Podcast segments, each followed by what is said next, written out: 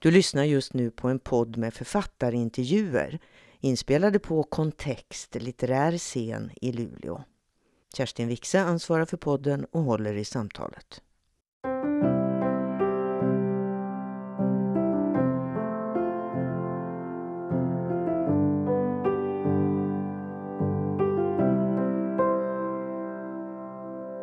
Hej Annika! Hej! Du är i Umeå och jag är Luleå. Hur ser det ut där du sitter? Ja, det, jag sitter ju nu och eh, pratar med dig från en musikstudio som från Second Home i Umeå där jag har spelat in eh, alla säkert-skivorna. Så att eh, det är som att mitt huvud håller på att explodera lite för att jag tror att jag ska, när jag sitter här, då ska jag väl sjunga och inte sitta och prata. Men ja, jag du får sjunga i, om du vill. Ja, ja, ja kanske blir så. Ja. Uh, men så nu sitter jag i ett ganska litet rum i studion som, som jag tror är perfekt just för såna här saker, att lägga just sång eller att prata. Jag tror de brukar spela in lite poddar här också ibland. Jag sitter väl i ett ungefär likadant rum då, tänker jag. Det står ett trumset framför mig här. En eh, massa hörlurar och jag sitter också i en studio. Det ser väl ungefär likadant ut. Ja. Men du, framför mig ligger ju då din novellsamling Jag ser allt du gör. Augustpris-nominerad, mycket väl mottagen bland kritiker och läsare, din skönlitterära debut. Men skrivit har du gjort jättelänge. Framförallt låttexter. Då. Varför passar det dig så bra att skriva låttexter? Ja, jag tror att det kanske är... Jag har nog alltid skrivit jättemycket, men jag tror att Eh, om man ska hårdra det så har jag alltid läst jättemycket också. Men jag har nog alltid, eh, särskilt när jag var yngre, att musiken har varit ännu viktigare för mig. Att jag liksom har nog haft lättare att, att eh, känna oerhört starkt genom musik. Och jag tror att det är därför som jag liksom verkligen föll in på låttexter så hårt. Så jag vet egentligen inte om det är att det passar mig så mycket som att, att um, man vill väl gå dit det känns mest på något sätt. Ja. Eh, och så blev, så blev det nog för mig. Och också nu när jag försökt skriva den här novellsamlingen och annat skönlitterärt så har jag nog hela tiden tänkt så här, hur ska jag kunna skriva för att det ska kännas lika mycket som om det vore en eh, låt. Det vet jag inte om jag lyckas med eller inte, men, men jag har nog försökt tänka så för att det är så jag kom in i det. Det var så det blev super, super viktigt för mig genom musik på ett sätt. Du, jag har också med en annan bok här, dina texter nämligen från, från alla dina album. Ja, inte alla kanske, men de finns i en bok som heter Texter just, som kom ut för 6-7 år sedan. Mm. Den har jag bläddrat i många gånger. Där skriver du att eh, du kan skriva låtar för att du är en orolig själ. Mm. Vad betyder det? Vad betyder det? Eh, nej men jag tror att det är en sån här... Jag, jag har nog upplevt att eh, de flesta skrivande personer, i alla fall de som skriver skönlitterärt, är ganska oroligt lagda. En sak som är väldigt skönt med att skriva det är att man helt plötsligt får användning för det där som annars bara är en nackdel i ens liv. Att man går och Lite det där att det är något saker. som flåsar i nacken på något sätt? Eller? Ja, precis. Att det, att det finns som en sån här... Jag tänker ju alltid... Om jag går in på en mack så, så ser jag alltid framför mig så här nu kommer jag gå in på den här macken och då kommer det nog stå någon där och hålla in en pistol. Och liksom. Det blir som ett sammelsurium av alla tv-serier jag sett som eldas på min egen oroliga hjärna. Och då blir det som att, att då när man helt plötsligt hamnar i ett sammanhang där man ska skriva, då är det bara att man häller ner alla de där grejerna på papper. Det blir ju väldigt fruktbart och så får man ryggdunk för det. Så att det, det passar ju... det, ja, det blir ju jättebra att kunna använda det till någonting. Och jag tror att de där sakerna hänger ihop. Att om man har en förmåga att, att överhitta på saker så blir det såklart bra om man skriver. Det låter ungefär som när jag går ner i garage då ser jag också framför mig en massa filmscener ja. bakom de där pelarna och eh, det där ekande ljudet och ljusen som blinkar och sådär. Ja men verkligen. Och då är ju du också en skrivande person så det hänger, det, det hänger ihop. och du här i den här boken, då, då, då skriver du också, det tyckte jag var så roligt, du berättar att du skriver snabbt. Mm. Men att det där med att skriva snabbt, det är bullshit menar du? För att bakom en text för en bra låt så har du i själva verket spenderat år med att tänka igenom det hela. Alltså nedtecknandet, det är bara det sista steget. Gäller mm. det också för dina noveller? Jo, men det tycker jag nog absolut. Det finns två olika delar av det här. Det första är nerhällandet av, av ord. Och där är det ju liksom bara att slå på en kran ur ens oroliga, övertänkande huvud och få ner det på papper eller på en inspelning. Sen är ju andra delen är ju liksom att kapa, att göra någonting utav allt det här med all den här texten som man har. Alltså det här med, som folk brukar säga att man ska, vad heter det, skapa skulpturen. Alltså Skulptera fram texten. Skulptera fram texten, tack Kerstin. Ja. Så tänker jag. Och det är liksom ett mycket mer idogt arbete på något sätt. Men man ska inte glömma bort att den där första delen är ju helt behövlig för att, för att det ska bli någonting. Man måste ju ha, ha någonting att skulptera ur på något sätt. Och vad roligt det där med att hälla, det ska jag komma ihåg. hälla ut en massa ord. Jag ser, det är en bra bild. Alltså det här med språk då, för att nu ska jag säga olika saker här om din novellsamling. Jag tycker att den är den innehåller existentiellt grubbel, den innehåller sorg, den är rolig, det är oväntat, den är språkligt vacker. Och det där var ju då, som du hör, många adjektiv. Och du beskriver ju, något på ett ställe, du beskriver ju någon på ett ställe som en adjektivmänniska och någon annan mer som ett verb. Mm. Och det där är ju både roligt och oväntat. Vad är du själv? Är du ett adjektiv eller är du ett verb? Ja, vad ska man säga? Jag tror att jag tyvärr är lite... Särskilt, jag tror att jag kanske särskilt när jag var yngre var mycket... Jag strävade mot adjektiv. Men att drömmen är ju att man skulle uppnå att vara verb. Det vill säga att man inte skulle tänka så mycket på vad, vad, vad folk tyckte om en eller ens vad folk höll på med utan bara agera själv på något vis. Särskilt när man är i tonåren men också... Jag vet hittills inte nog mycket om litteraturbranschen, Kerstin, för att veta om det är sådär. Men i alla fall i popmusikbranschen där jag verkar är ju oerhört mycket att folk ska framställa sig själva på, på olika sätt. Så det har verkligen varit en, en överdos av eh, det där tycker jag för mig. Så jag tror att det är därför jag tänker så mycket på det. Alltså vill gärna komma ifrån det där att folk ska ha en uttänkt idé om hur de ska vara på något sätt. Det är det så i litteraturbranschen? Kan du varum berätta? Varumärken? Nej, men jag, ja, alltså varumärken är väl... Ja, de är väl betydelsefulla. Blir mm. ju mer och mer, tänker jag, i varenda jäkla bransch. Men det här det är ju så intressant, det här med att vara eller framstå som. Det där finns ju i flera av texterna i den här novellsamlingen. tänker jag. Det ska vi komma till. Mm. Men du, en av dina noveller som ligger nära musikvärlden den heter ju då Kul för dig, trist för mig.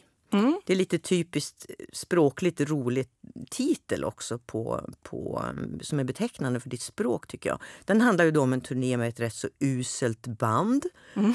som slutar i ett lyckligt crescendo kan man väl säga. Och det där vet ju du en del om Annika, att turnera. Mm. Den här turnén är ju inte så glamorös direkt. Är någon turné det?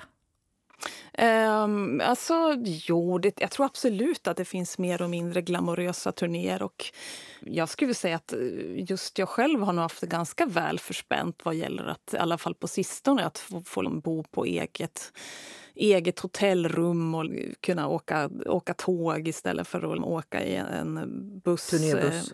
Ja, precis. Som dessutom kanske ofta kan vara bättre eller sämre kvalitet. Men men däremot så tror jag att någonting som jag har försökt skriva fram är väl att det är eh, att det är väldigt mycket eh, praktiskt arbete kring att, kring att eh, turnera ofta. En sak som var viktig för mig, nu spoilar jag lite så att om man inte vill höra vad som händer kan man hålla för öronen. Men men eh, i den här slutscenen i novellen så har de, de, de har en, en, riktigt lyckad spelning som känns bra för dem på scen. Det känns, det känns som superbra.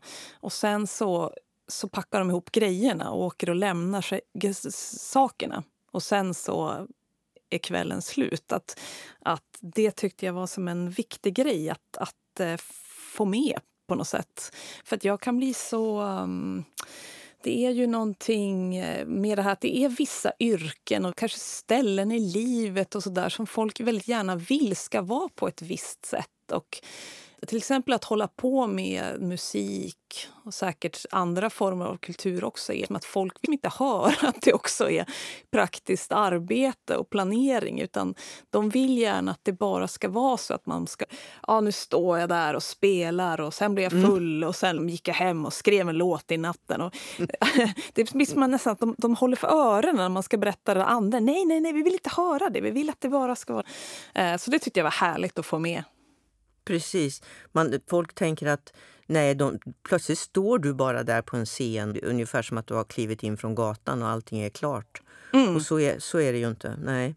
Men du berättar då hur eh, din berättare Siri i den här novellen alls hamnar på den där turnén. ja, ja, hur hamnar hon där egentligen? Nej, men det som händer är att hon har, ett an, hon har en bästa kompis som heter Mik eh, Mikael. Det här är viktigt att man ska uttala det Mikael. Hon har en bästa kompis som heter Mikael. Mikael spelar då trummor i ett jättedåligt band som heter Senior. Och så har Seniors eh, vanliga basist hoppat av för han har blivit pappa. Och då ska de åka på en, en, en turné och då frågar de om Siri vill följa med för att hon ju äger en, en bas. Och då en sak som jag tycker är kul är att både att alla som är med i det här bandet, de, ingen tycker att det är särskilt bra, men ändå så spelar de. Och även när Siri får frågan säger hon så hon tycker inte heller det är bra, men hon följer ändå med bara för att det är ett sätt att umgås. Det tycker jag är fint på något vis. Det finns ju en sorts kärna som man som läsare hela tiden närmar sig den här novellen tycker jag. Det handlar lite om det vi pratade om förut. Och det är ju en sorts strävan till ska säga, äkthet eller ärlighet eller vad man nu ska kalla det.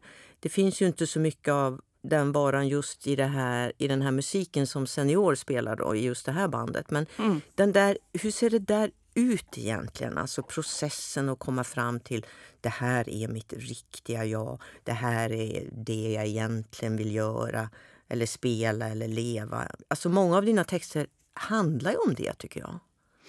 Ja, vad intressant. Jag tror säkert att du har rätt.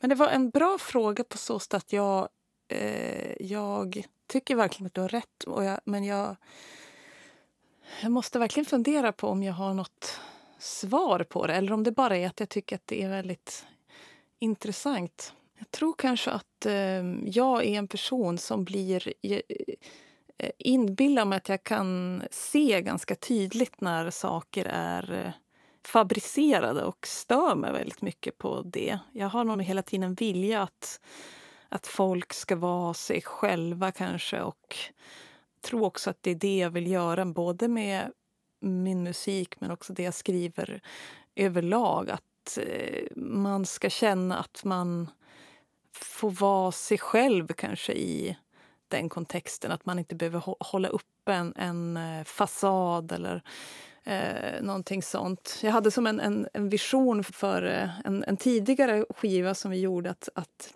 jag tänkte att drömmen skulle vara om det var som en sån skiva som ingen sa rakt ut att de tyckte var bra men alla lyssnade på den på väg hem från krogen och var så här, ja, så där är det faktiskt. eh. ja, att det, alltså, det ska vara riktigt. Det är någon sorts ärlighet du eftersträvar. Ja, men kanske att det ska kännas som att man är man skulle vara den här kompisen som man kan ringa upp och vara sig själv.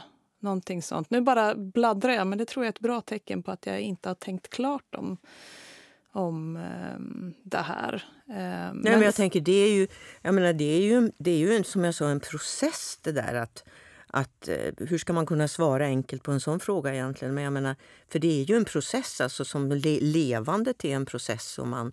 Upptäcker mm. så småningom det här är viktigt för mig när det där var ju inte viktigt för mig. Alltså Det där kan ju ändras också hela tiden. Mm. Ja men verkligen, och så måste det ju få vara.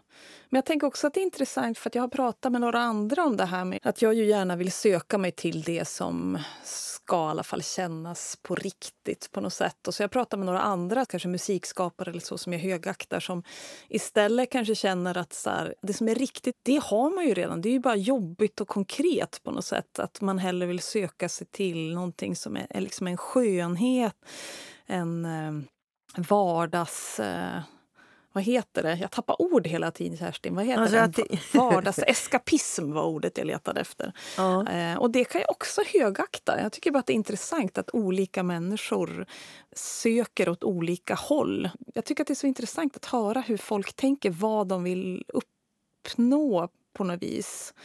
Att Verkligen. alla vill olika grejer. Ja. Det de beskriver är då att de letar efter någon sorts förhöjning kanske, men det gör ju du också både i novelltexter och låttexter. Alltså även om det handlar om verkliga saker så blir det ju en sorts förhöjning när man eh, formulerar det med ord i en speciell kontext, tänker jag. Mm.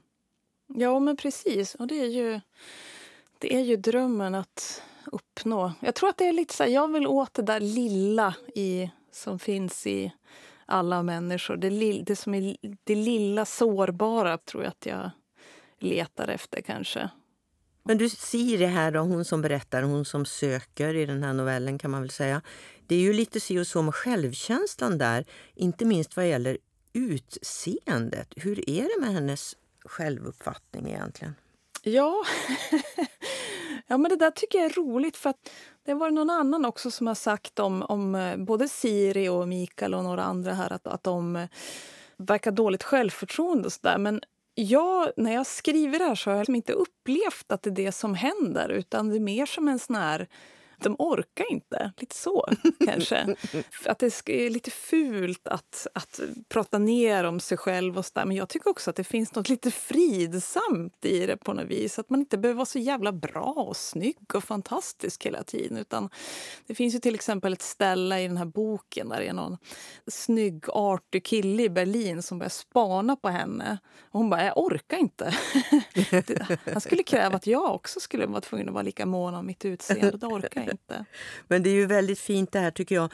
För när Daya då, den oerhört vackra och begåvade kvinnan som följer med på turnén eftersom hon har väl ihop det med någon av bandets medlemmar där.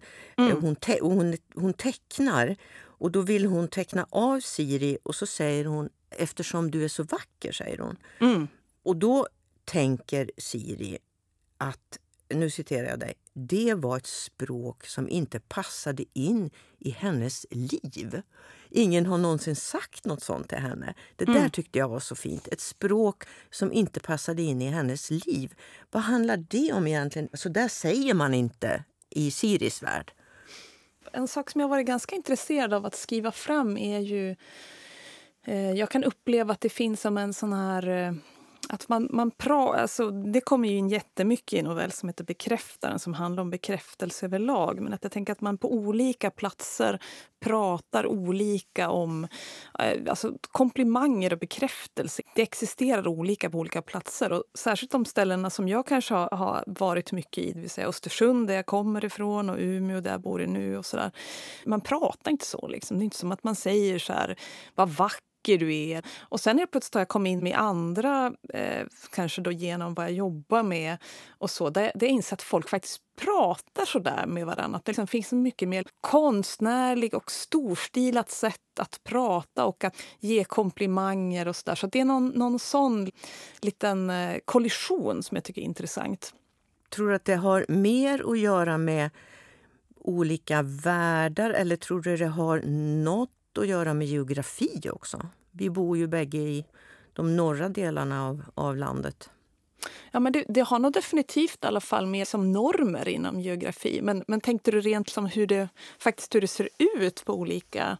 Nej, men jag tänker att är, vi kanske är jättedåliga på det här uppe och säga till folk vad du är vacker eller det där var jättebra. Eller, det är som att man gör inte så mycket Nej. så. Nej, men verkligen inte. Det så tycker jag absolut att det är. Det är ju någonting som, ja men då särskilt kanske i den här novellen Bekräftaren, att det är någonting som jag verkligen tycker är så fruktansvärt eh, intressant. Den här liksom kollisionen med både kanske det här hur det såg ut till exempel i Sverige överlag förr i tiden, men kanske fortfarande hur det ser ut eh, nu på vissa platser det kanske inte är liksom så himla mycket komplimangande fram och tillbaka utan att det värsta Ja, nu tror jag kommer på vad jag egentligen ville säga, bara blabbar på. Men, men jag tänker så att det värsta som man kan vara här upplever jag, i Umeå eller i Östersund, eller i alla fall i mina kretsar, jag ska inte säga alla, det är ju att man skulle vara en person som som var mer snack än verkstad. Förstår du vad jag menar? Det, är ju liksom, det finns ju inget värre än att någon skulle säga att, om en så här, att Annika eller Kerstin är mer snack än verkstad. Då skulle man ju skämmas oerhört mycket. Och jag tänker att det hänger ihop med det. Man vill alltid vara mer än vad man säger. Att det finns någonting sånt som känns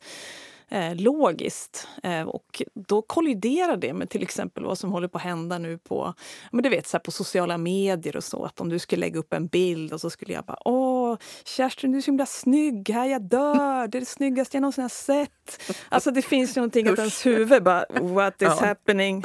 ja, verkligen. Ja.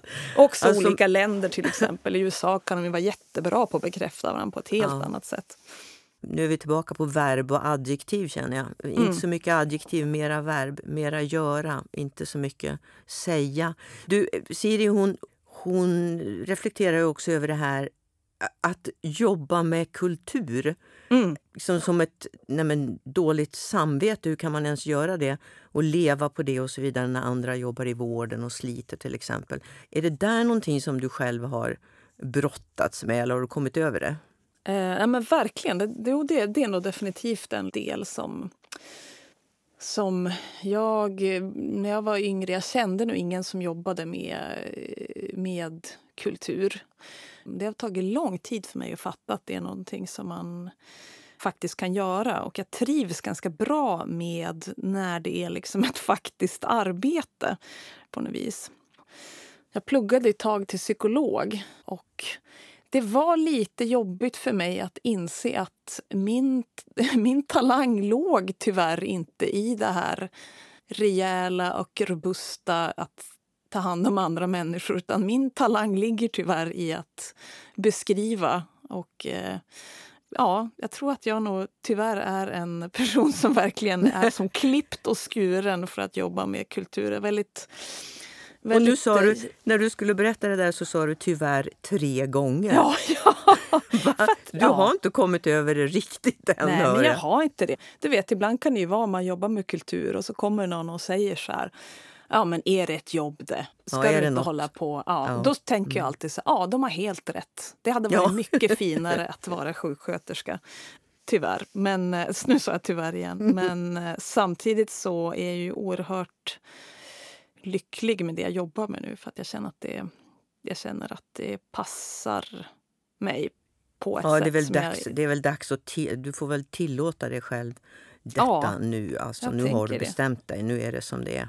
Mm. Du, som i alla de andra novellerna så är den här novellen också fylld av vad ska jag kalla det, språkligheter som är väldigt talande och roliga. Någon får säga stockholmare tror man är stabil bara för att man har en dialekt. Mm.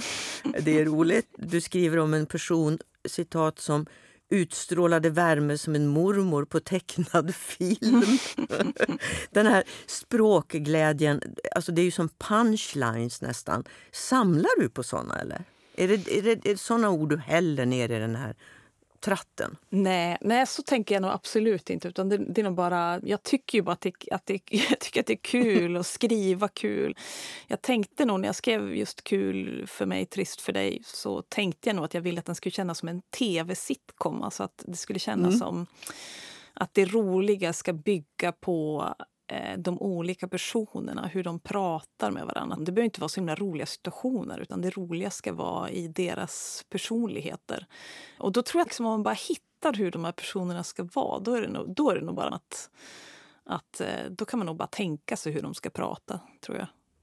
Ja. Du, hela novellen är ju också en hyllning till eh, vänskap som, som bygger på att människor känt varandra länge och utvecklas väldigt olika. En del kanske inte alls, men ändå spelar de ihop. De arbetar tillsammans. Mm. Och allt är liksom inte vägt på guldvåg om du förstår vad jag menar. Det får gå ändå. Och mm. det där är ju det är ju väldigt långt från vår tids eh, varje val du gör är superviktigt, vem du vill vara, vem du väljer att vara med och så vidare. Mm. Eh, jag känner att det är som en sorts lantlighet, alltså inte som något negativt men det är något som du försvarar, så läser jag det. Ibland får man faktiskt ta vad som bjuds, det är också värt något. Jo, men absolut. Det, det, låter, det låter härligt när du säger det. Det, låter, det, känns, det känns rätt när du säger det. Det är lite som när man gick i skolan och var med alla. Man valde inte själv. Och Nej. det fick gå ändå. Ja, men precis. Ja, men den här, det handlar ju om ett band på turné som delvis. Men jag tänker att det liksom egentligen skulle kunna handla om vilken arbetsplats som helst. Att man, eh, man ges de här personerna och så man får ta både deras eh, goda och dåliga sidor. det är för mig som en längtansnovell. Eh, för att jag, jag, eh, min favoritdel med att vara på turné det är ju att man får umgås så mycket med folk man tycker om och sitta med dem och prata skit. Och mm. Så är det ju så sällan annars för mig i mitt jobb. Jag sitter ju mycket själv och skriver. Och förut när jag har jobbat som journalist så hade jag ju arbetsplatser. Det var ju helt underbart. Det är verkligen någonting som jag saknar och längtar till. och kan vara så någon du vet, någon jobbar på bank och jag är så här, berätta om ditt jobb. Vad gör ni om dagarna? Vad pratar ni om? Vart går ni? Och... Ja, sådär. Alltså när jag läste den där novellen då, då tänkte ju jag genast på eh, en gång i början av 80-talet så var jag i Kanada och eh, då intervjuade jag, då var jag hemma hos systrarna Anne och Kate McGarrigle. Mm -hmm, som ju då var, de var då på toppen av sin karriär och just då så repade de inför en stor turné i källaren där i, deras, i Anns hus. Och jag fick var, sitta med där och lyssna. Och jag, jag minns att jag häpnade efter ett tag över ojämnheten i bandet. Okay. För några, alltså några var alltså kontinentens vassaste musiker. Mm. Verkligen alltså. Eh, gitarristen bland annat kommer jag ihåg. Men ett par stycken av musikerna de var totala amatörer. Alltså okay. De höll inte takten, de spelade mm. fel och så vidare. Och så till slut så vågade jag fråga Kate om det där. Eh, hon mm. skrattade som bara den och så sa hon jo, men du förstår, vi har spelat ihop sedan vi var barn och vi tycker så mycket om att göra det. Det skulle inte bli någon bra turné om inte de var med. Nej. Och då får man, då får man ta något taskigt saxsolo någon gång. Liksom. Jag tyckte det där var så underbart. Vad fint alltså, vilken grej. Men vad heter det, vad kul att du var, varför var du och intervjuade dem? Var det bara att du var i Kanada överlag? Och så skulle du... Ja, men de, jag lyssnade jättemycket på, ah. på dem. Och då hade jag fått telefonnumret och så var jag i Montreal och då tänkte jag, nej men jag ringer väl. Så jag gick till en telefonkiosk och de bara, ja men kom hit. men shit vad sjukt, vilken grej. Ja. Där hade man ju liksom velat höra tycker jag mer om. För det känns ju alltid som att, ja, men, inte bara kultur utan allting så utgår ju folk alltid från att man ska jobba med alla som är liksom så här, det här är de som är ex, eh, bäst på det de gör för att det ska passa in. Men det finns ju en oerhört stor del som är liksom att man bara, man vill bara umgås med folk man gillar. Ja men det måste väl också vara lite grann sådär när de ska sätta ihop fotbollslaget eh, liksom ja, för precis. VM eller så. Att, att, att det måste funka ja. eh, i gruppen på något sätt. Ja. Precis, det är säkert några sådär mysglidare som sitter på bänken men som får vara med bara för att de är sociala genier. Ja, det är ja, superintressant. Du, en av de mörkaste novellerna i samlingen då, det tycker jag är Arvsled. Mm. Och där eh, blir ditt språk också lite, det förändras. Det blir stramare, det blir mer otäckt, koncentrerat. Berätta, vem är kvinnan vi möter här? Det här är en kvinna som jobbar inom hemtjänsten. Hon har en, eh, en dotter, men sen har hon också varit med om att, att hon liksom har en historik av att hennes alla alla kvinnor i hennes familj har alltid väl, valt dåliga män, också hon själv. Så att hon, eh, det blir som att hon till slut nästan får fatta ett beslut av att, av att eh, jag ska aldrig mer ha en eh, man för att jag ska kunna bryta det här för min dotter så att hon inte ska behöva se någon, någon dålig man. Så att hon ska kunna liksom istället kanske skaffa en, en bra kille. Så det, det är henne det handlar om. Och hon, hon är ju fångad i en föreställning om vem hon är. Var det det du ville undersöka med den här texten? Alltså vad, vad det gör med oss, självbilderna, så länge man sitter i det där nätet och tänker ja, det här är jag. Det är inget, inte mycket att göra åt. Alltså jag tror ganska ofta så, så tänker inte jag så riktigt vad jag ska utforska utan det kanske bara är någon, att jag börjar skriva och så ser vad det blir för någonting. Men då var det faktiskt att jag, att jag hade hört en person som Liksom någon, någon, som bara råkade överhöra en person prata om det där. Att, att det var någon som aldrig mer skulle ha en relation. Den här personen vill, ville bryta ett mönster. Eh, ett mönster bakåt. Så, så, sen så liksom tror jag ibland att jag, jag fattar lite senare egentligen vad, vad som egentligen utforskades där. och vad som är. Det är ju verkligen, handlar ju om... Jag tänker alla människor har ju 10 000 olika smådelar av sig själv. Och om man tittar på på eh, tusen av dem så kan man se sig själv på ett sätt men om man kollar på tusen andra kan man se sig själv på ett annat sätt. Så det är ju också någonting som kommer fram i den där texten, tänker jag. Precis. Och du är ju intresserad av psykologi. Du började läsa till psykolog en gång i tiden. Det är ju ingen mm. hemlighet. Men varför började du läsa psykologi? Var det bara det här med yrket? Eller det har ju också att göra med ditt intresse för människor, tänker jag. Jo, men verkligen. Det, det är ju absolut. Jag har fått någon fråga någon gång om, om det märks på novellsamlingen till exempel att jag pluggar psykologi. Men jag tror snarare att det är att jag alltid varit så intresserad av psykologi. Så det som varit som en grundgrej tror jag hela, ja. hela livet och kommer igen i allt jag gör. Att jag är väldigt fokuserad på människor. Jag har ju också börjat tänka på att det står ju aldrig någonting om hur det ser ut. till exempel. I, jag tyckte bara nu när vi började så sa du så här, berätta hur det ser ut i var du sitter. Då tyckte jag det var jättesvårt. för att Jag tänker aldrig så. Jag tänker aldrig på hur det ser ut. Jag tänker bara på personer. Och så är det ju också i, i novellsamlingen. Att det, det är fokus på det är fokus bara på, på människor, tror jag. Och det är det ju verkligen i titelnovellen Bekräftaren som jag nog aldrig kommer att glömma. Det, det, är redan så att jag har börjat dela in folk i om de är bekräftade eller inte. Är det nästan. sant? Men vad intressant! För att, nu ska vi säga vad det här handlar om. Vi har, här har vi ju då en psykolog som efter olika egna erfarenheter öppnat mottagning där hon arbetar som confirmer, alltså mm. be bekräftare. Det är en helt otrolig affärsidé, Annika. Mm. Skulle, känner du också att du kanske skulle gå till en om det fanns en? För jag tror att det är liksom ett intresse som jag hade av den här texten. Det var att jag kände att om det fanns en så vore det inte omöjligt för mig att gå till en ändå. Ja, kanske. Mm.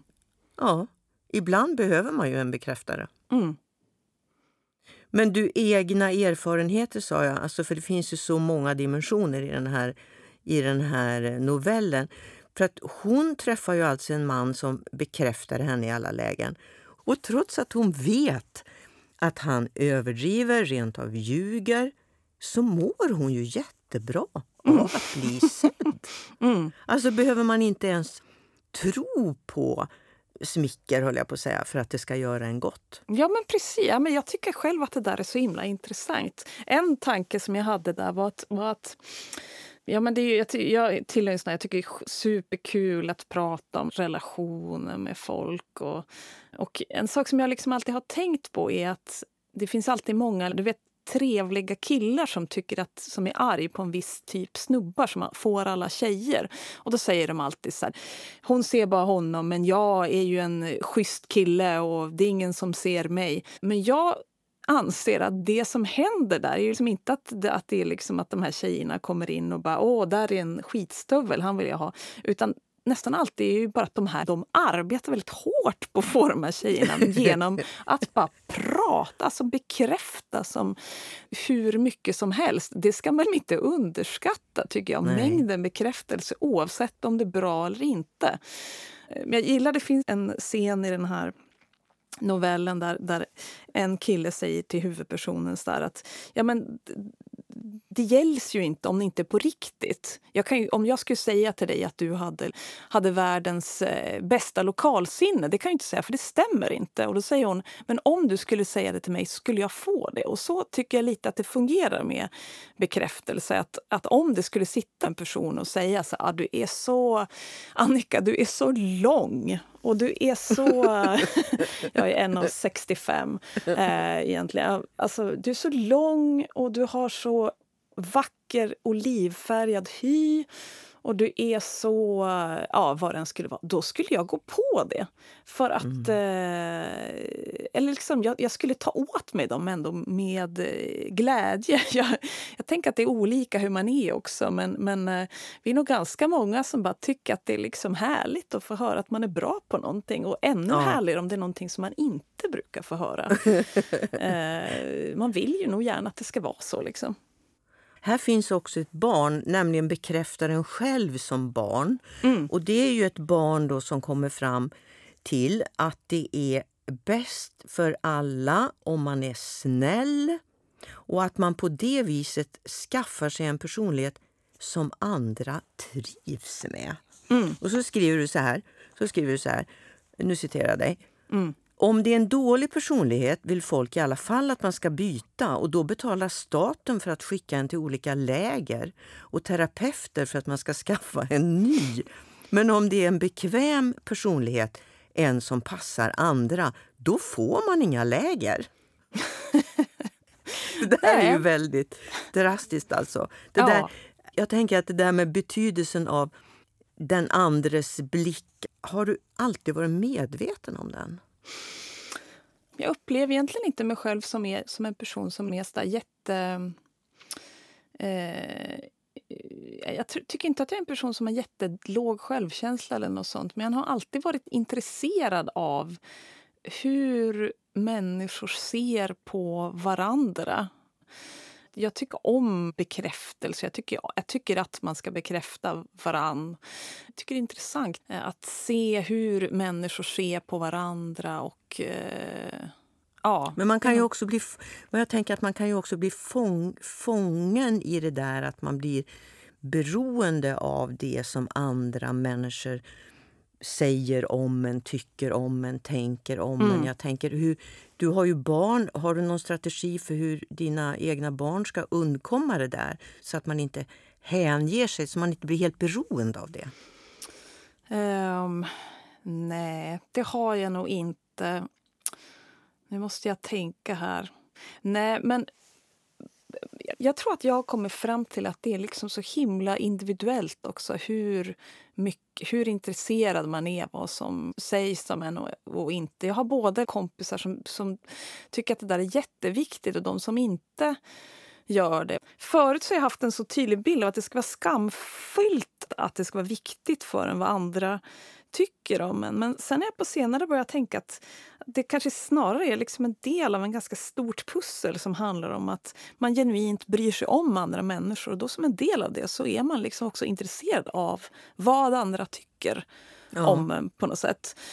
Jag läste någon intervju här med, med Ivanka Trumps bästa kompis Eh, jag vet inte om du har hört om det här, det här var en Nej. sidstickare men som blev intervjuad om Ivanka Trump, alltså Trump, Donald Trumps dotter, om hur det var liksom att vara bästa kompis med henne och växa upp. Och då var det liksom att man fattat att inom den där familjen så var det bara viktigt att vara bäst hela tiden. Det har varit, liksom varit så i generationer. Men att det enda hon pratade med om med Donald Trump det var att Donald Trump frågade så här, hur går det för Ivanka i skolan. Är hon, mest, är hon den sötaste flickan på hela skolan? Är hon mest populär? Nej, det finns två, tre som är mer populära. Okej, får jag se kort på dem? Ja, men de är faktiskt sötare. Så det, tänker om man bara håller sig borta ifrån det där så, så, så kanske mm. det ändå klarar sig okej. Du, den här novellen landar ju i att hon finner sig älska en man som inte alls bekräftar henne. Han bara mm. är. Han fattar ju inte ens eh, behovet av att eh, bli bekräftad. Hur ska det gå? Mm. Det vet man inte när man läst klart novellen. Nej, precis. På vissa sätt kan jag tycka att det liksom nästan knappt handlar om, om människor utan mer liksom olika världar på något sätt.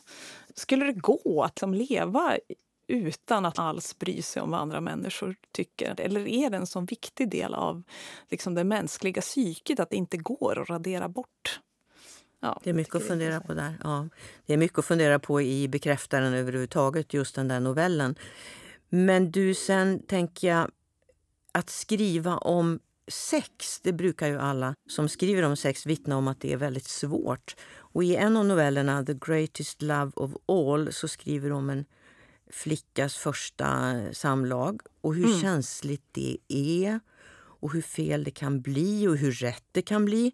Var den svår att skriva?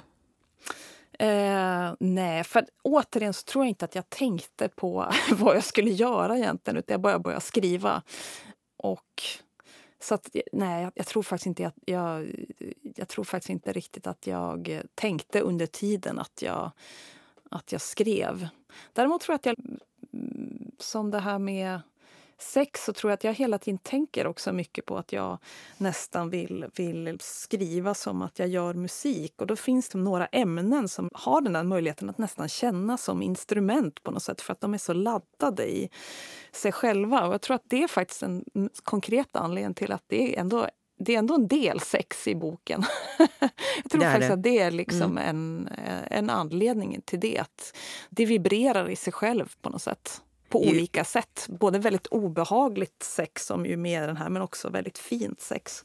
I utgåvan av dina låttexter eh, där finns det ju också en berättelse om en kompis som förlorar oskulden vid 16 års ålder. Och då, mm. skriver, då skriver du att alla killar du känner som hört den lovar att aldrig ha sex igen. den är alltså mycket obehaglig. Vill du nu göra tvärtom, alltså en sorts mothistoria? Ja, ja men kanske. Jag, jag, tänkte faktiskt inte på det där sen, sen senare. Att jag ju faktiskt har liksom skrivit om det där i låtform också. Men nej, vet du, jag, jag känner att eh, det är så bisarrt för att vissa saker som jag skriver om känner att jag har väldigt tydliga tankar om och andra känner jag att jag bara, det bara blev så. Och det här tror jag faktiskt att det bara, att det bara blev så. Hjälten, eller vad man ska säga, i The Greatest Love of All är ju då en lite snällare killvariant, Syltjärvinen. Jag vill, jag vill nog skriva fram den sortens kille på något sätt. En hyllning till den sortens kille. Det tror jag egentligen är vad den handlar om. Att jag, om jag skulle se en film med den så skulle jag bli handlöst kär i Syltjärvinen. Mm. Jag tror att det är det det, är det otroligt, Det är ett fantastiskt namn, Syltjärvinen. Nej, men så tänker jag också att den här flickan, hon gör ju ett sorts uh, intuitivt val där för sin sexuella debut. För hon vet någonting.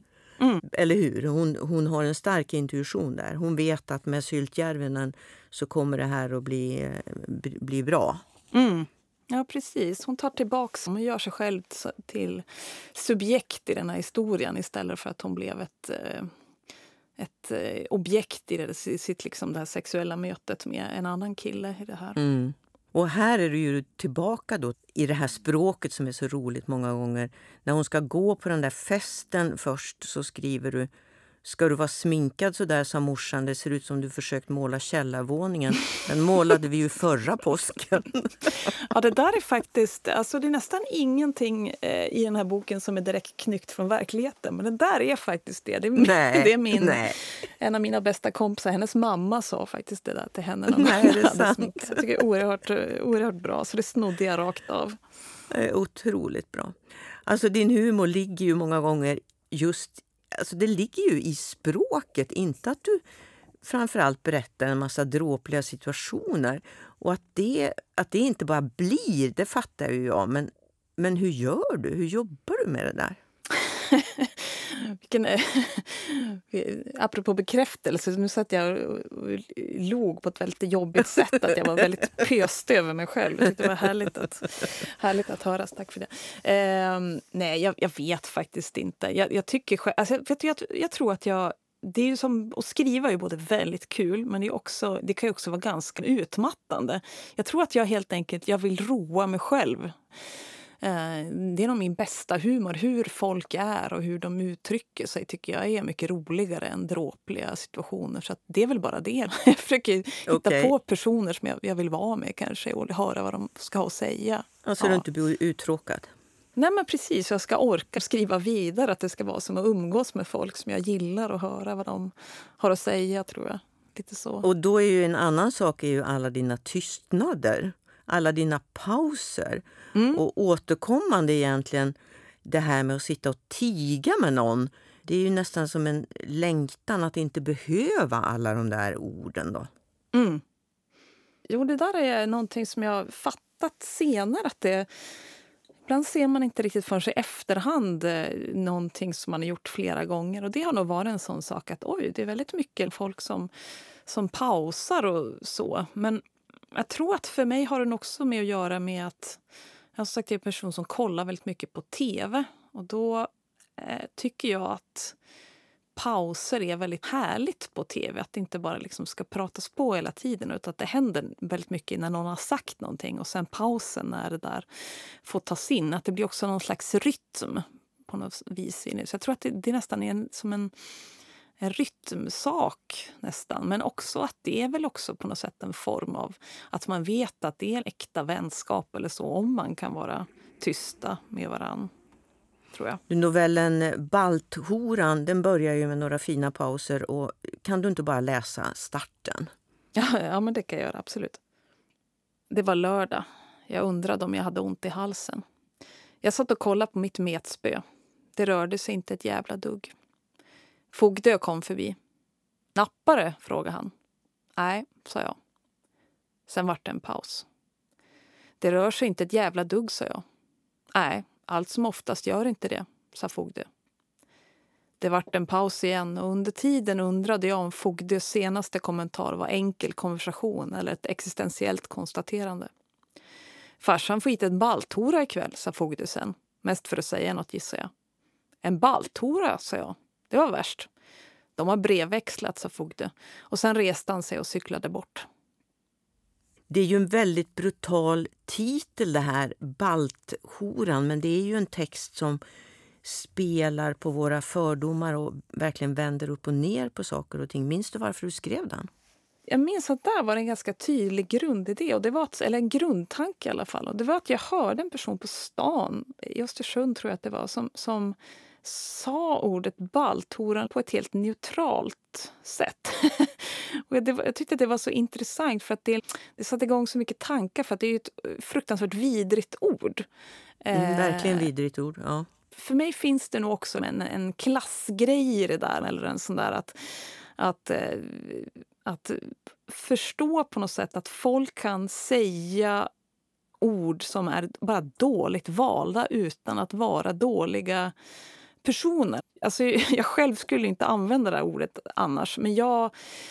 Alltså, hur man uttrycker sig och hur man är som person, det behöver inte alltid vara samma sak. Eh, och det är någonting med det här som jag vill utforska i novellen. Ja, det kan finnas ett glapp där mellan språk och språkligt uttryck och egentligen en människas inre, så att säga.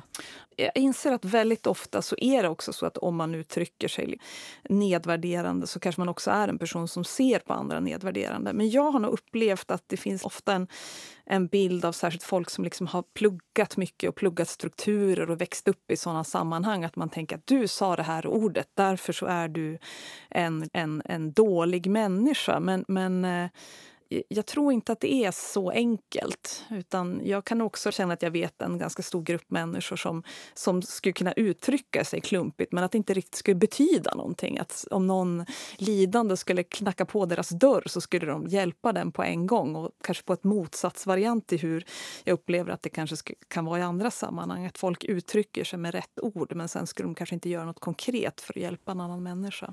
Intressant. Något sånt tror jag. Ja.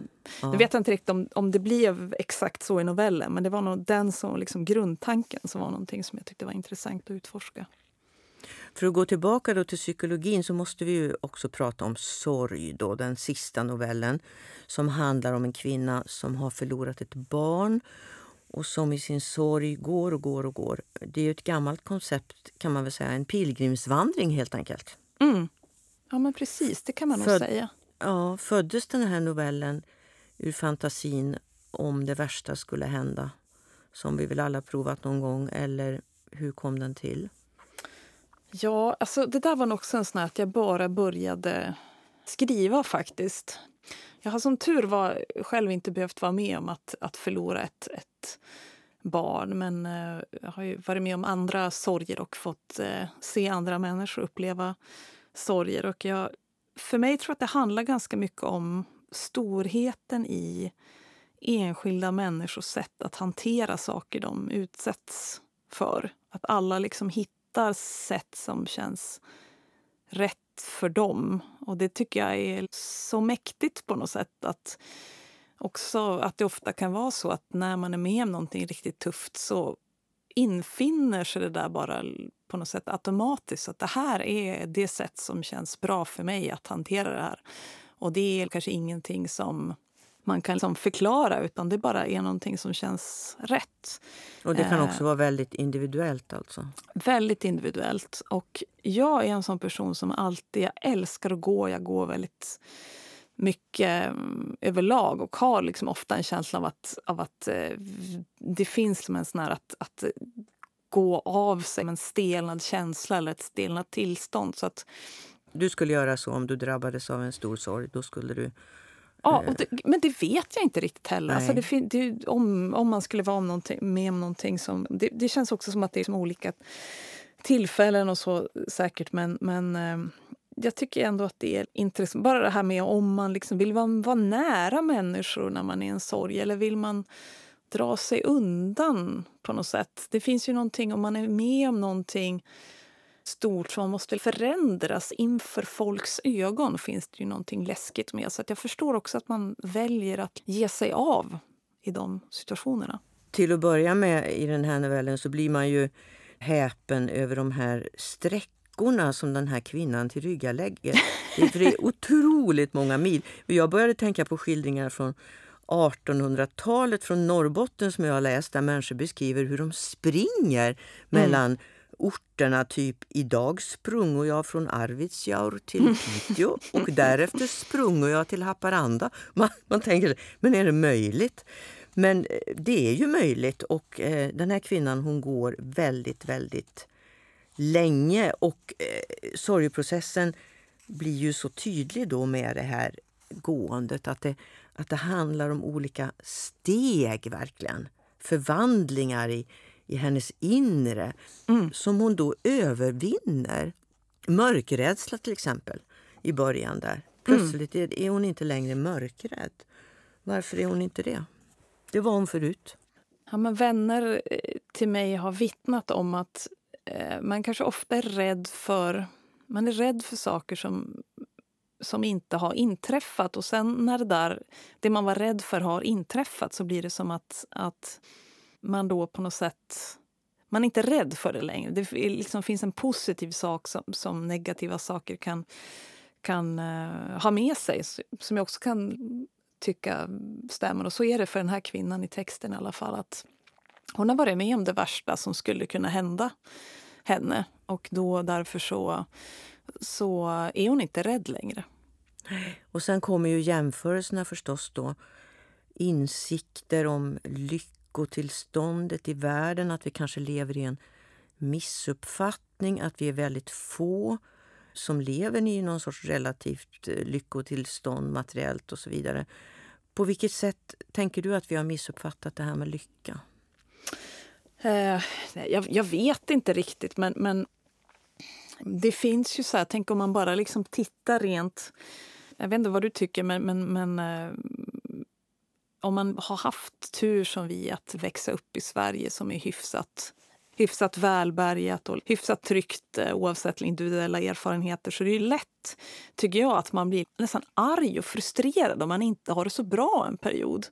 Att man, bara, att man blir så här, oj, oj, oj, nu mår jag inget bra, nu känner jag mig ledsen. Hela det här året har jag känt mig ledsen. Jag har ont i kroppen eller den där personen gick bort och den vill jag ska vara i mitt liv för alltid. Att man har liksom en en bild av att det är någonting som, som man är garanterad att få.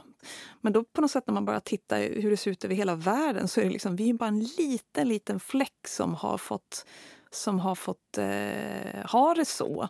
Rent matematiskt så är det ju verkligen inte en rättighet som finns där utan det är bara vi som har haft den oerhörda turen. Det där är väl eh, någonting som eh, har intresserat mig på så sätt. Det som vi ibland kallar för ilandsproblem. Mm, ja, men mm. precis. Mm.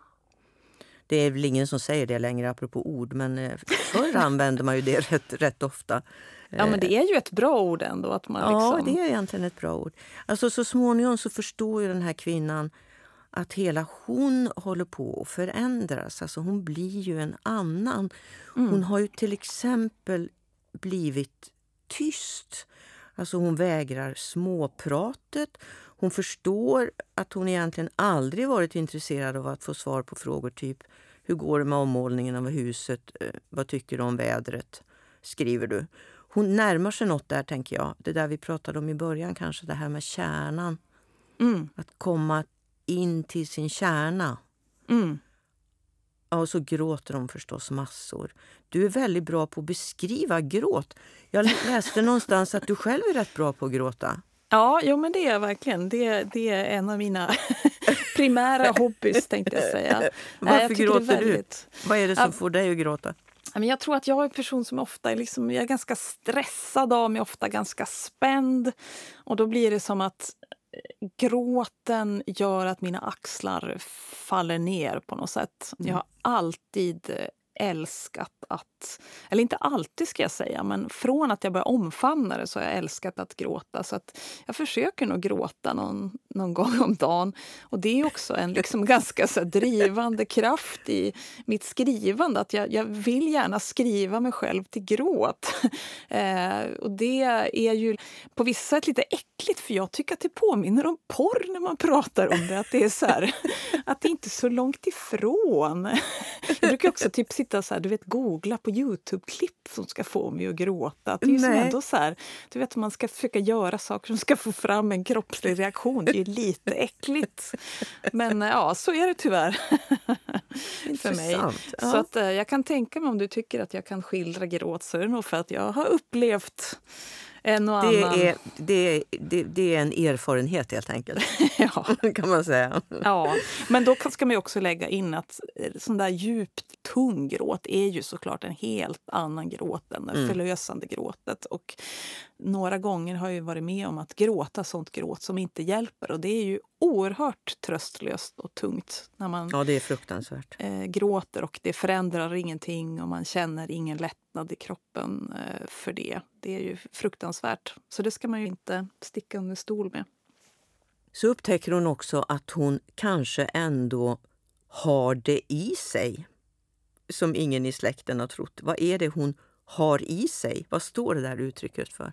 Ja, men att, att hon är en, en ehm, vad ska man säga, en, en person som kan stå ut. En, en seg person. Det är ju någonting som jag upplever, i, du som sitter i Luleå också kanske kan hålla med om det här, att det är någonting som är liksom en väldigt, ett, eh, som anses väldigt positivt, att man ska att man ska vara, vara uthållig, på något sätt, seg. I det här fallet är det Absolut. ju att man ska orka sitta i bastun länge trots att det blir varmt och obehagligt. Att, att människan ska resa sig mot tillstånd, eh, över tillståndet. Man ska orka liksom springa långt, kroppen ska orka mycket, man ska orka sitta i bastun länge. Och det här har hon blivit retad för tidigare att hon inte har. Men nu känner hon att nu har hon det. För nu har hon varit med om någonting som är så, eh, som är så tungt så att då helt plötsligt så klarar hon av de här andra sakerna.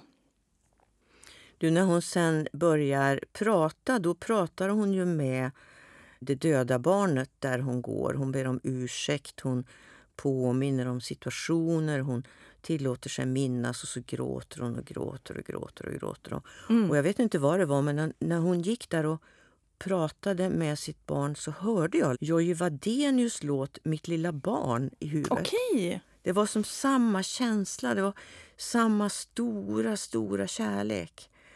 Men det här barnet har ju då inte undvikit elden och det djupa vattnet. Hon har sprungit bort, Mm. bort för gott. Det där glappet, Annika, att man först när man förlorar något förstår dess värde.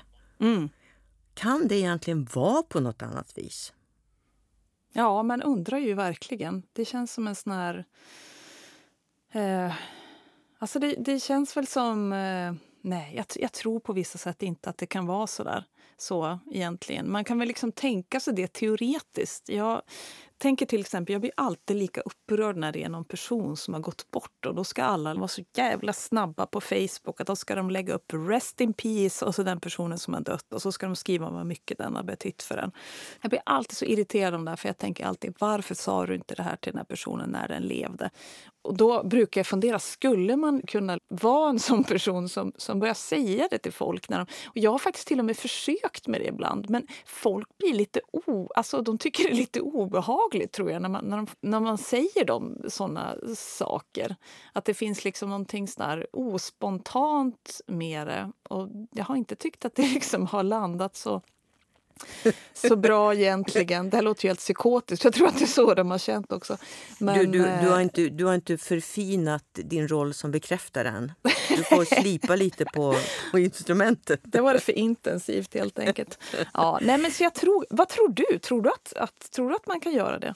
Nej, alltså jag, nej. Jag, jag tror egentligen inte det. Men, men det som den här novellen lär en, och det när kvinnan går där och pratar med sitt barn så hinner man ju ändå känna, ja men naturligtvis skulle jag ju vara mer uppmärksam eller jag skulle, förstår du? Mm. Alltså att man skulle vara mer närvarande helt enkelt mm. med sina barn då eller så, så tänker jag att eh, det där slitna uttrycket som man ju egentligen aldrig har förstått, man ska inte ta det för givet eh, med ungarna, alltså att de alltid ska vara där. Tänk om de inte är det då?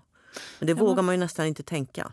Nej, nej det, det är en för läskig tanke att ens gå in i och tänka. Men jag brukar tänka ibland på det här med, jag vet inte om du känner samma, men jag brukar ofta tänka att jag aldrig nästan älskar någon i min familj lika mycket som när de sover. Eh, för då, då ligger de bara där och man kan titta på dem och vara liksom så ja, ja, vad jag älskar den här personen. Och det är ju någonting på något sätt för att då finns det inget det finns ingenting an, det finns liksom inget agerande eller någonting med i bilden utan det, det, ba, det ges bara plats för ens egen, ens egen känsla. Och det är väl mm, kanske det som, som händer också när någon har gått bort eller försvunnit. Att, att det fläckas inte upp av någonting som händer utan det är bara, det, det, det är bara stillheten och tanken på något sätt. Musiken finns ju också i den här novellen. Mm. Eh, I början så går hon med Bach i hörlurarna. Mm. Och på slutet så skapar hon sin egen sorgesång kan man väl säga. Plötsligt har hon något i sig som hon väl inte vetat om. Hon handlar väldigt intuitivt. Vad är det hon gör här? Ja, hon får ur sig någonting. Hon får ur sig någonting. Jag vet inte om man ska säga exakt vad det är som händer men hon, hon får ur sig, liksom, hon, får, hon får sjunga den här sorgsången i alla fall i ett sammanhang inför andra människor. Och, och ursäkta, jag har inte covid, jag har bara lite torr hals om ni hör att jag sitter och hostar i podden. Men, eh, nej, men jag tror att det som, där är nog faktiskt någonting som, som jag upplever är oerhört helande, vilket är att, att få sjunga högt på något sätt, få skrika ut sin sorg eller sin eh, eller sin glädje över någonting. Det är någonting som jag har ju haft turen att få uppleva och jag skulle ibland vilja att alla skulle få uppleva det. Det är oerhört helande på något sätt. Särskilt om man spelar med några, så då tvingas de stå och lyssna. Det finns ju någonting oerhört starkt i det, att man inte liksom är så där, ja, jag känner mig ledsen för, utan att man bara, jag känner mig ledsen! Det finns ju någonting oerhört starkt i det. Det kan vara en av musikens funktioner. Ja, det tror jag faktiskt. Du, sen landar hela novellen i en sorts insikt om att det är vi vuxna som är som stora barn och kanske inte som det ibland har sagts att barn är som små vuxna. Mm. Vad, be vad betyder det där egentligen?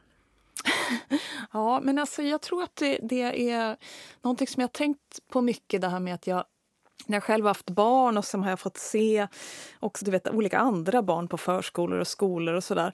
Man får se dem växa upp från ax till limpa. Och då ser man ju vissa egenskaper som, som människor har som barn som är liksom då så rena och hela. Och sen så spenderar man all, all tid i vuxen ålder med att försöka blockera för det där, att försöka anpassa sig inför, i samhället. Men det finns ändå där. Alltså till exempel så tycker jag att jag tycker det är så fint när när barn, du vet barn som är blyga, och så vill de kanske inte gå in i ett rum. Och därför står de utanför lite grann och, och samlar kraft. Ibland så vill de inte gå in alls, men ofta så kanske de sen går in efter... Ja, men du vet, de går in efter 15 minuter och då kanske de vill gå in på något särskilt sätt eller så där. Och det är helt okej när man är barn. Men det finns ju väldigt mycket människor som är så i vuxen ålder också. Men då ska man bara låtsas om att det inte existerar.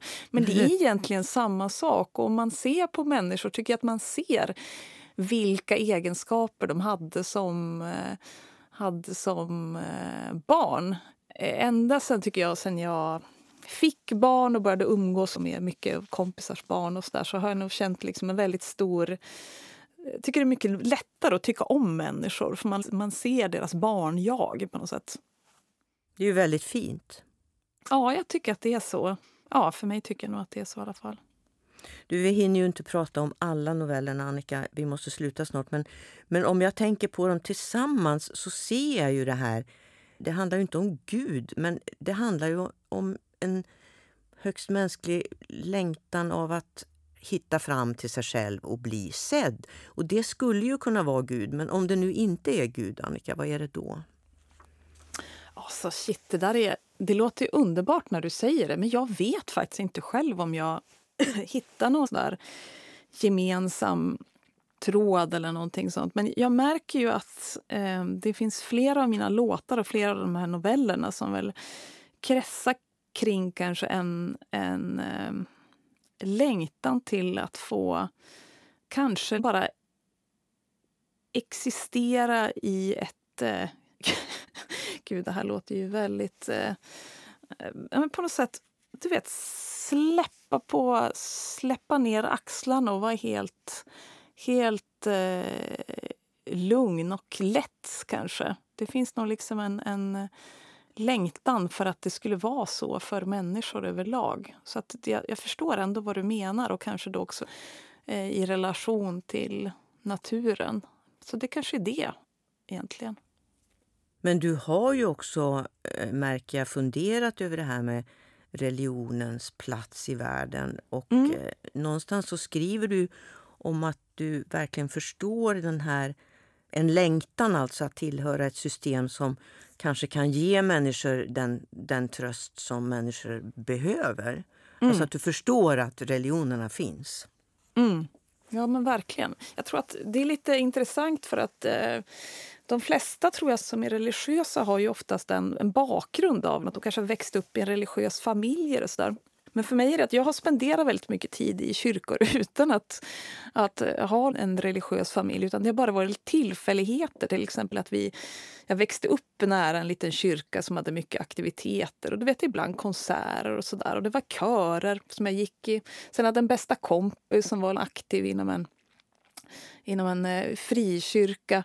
Så att jag har hela tiden fått ta del av kyrkan utan att behöva egentligen fatta något beslut som är så här, är jag kristen eller inte? Utan jag har bara sugit åt mig av alla göttiga grejer som finns mm. där.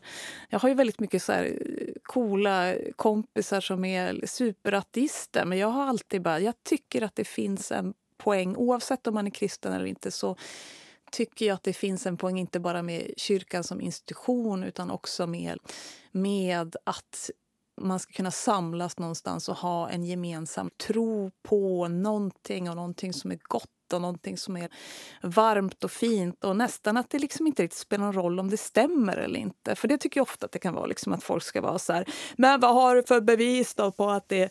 Men att jag menar att det kanske inte är så viktigt utan mer att, att vi behöver någonting att, att eh, en riktning på något sätt. Och det tror jag att det dyker upp eh, ibland i texten, min, min längtan efter det där kanske.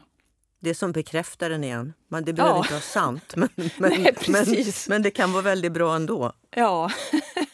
Ja, usch, du har läst den här samlingen alldeles för väl, Kerstin. Det är som att jag bara, ja, det är ju säkert, det stämmer ju säkert. Ja.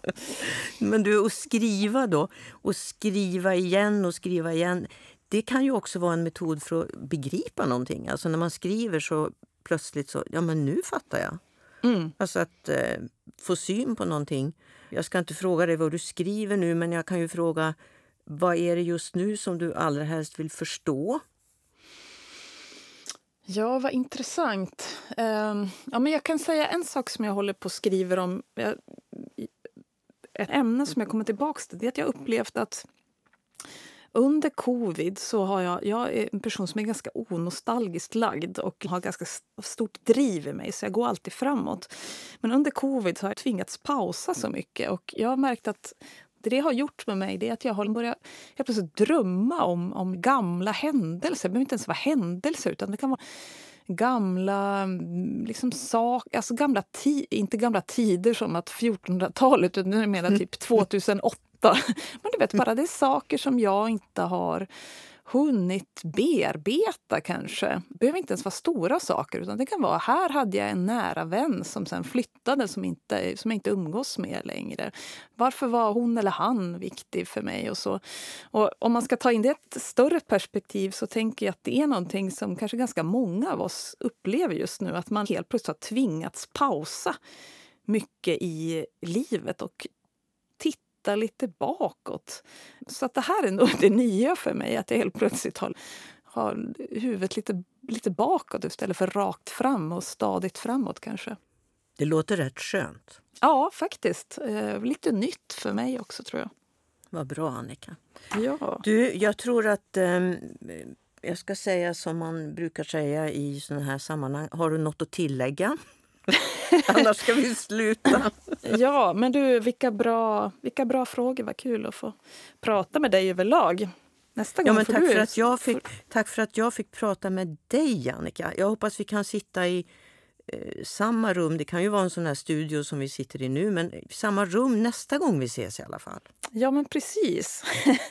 någon gång ska det ske igen. Det känns som sci-fi nu att tänka på att man någon gång skulle kunna få göra det igen. Tänk alla som vi ska träffa när det här är över. Ja, men eller hur? Ja, vilken dröm alltså. Men då säger vi hej då. Hej då. Fint att hej höra från dig. Ja, hej då. Hej då.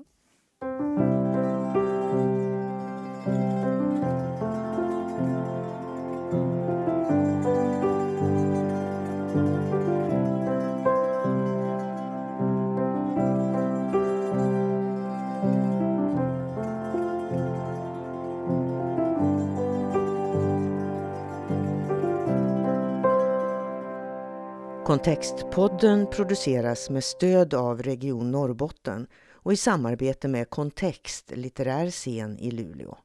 Författarscenen drivs med hjälp av Statens kulturråd och Luleå kommun.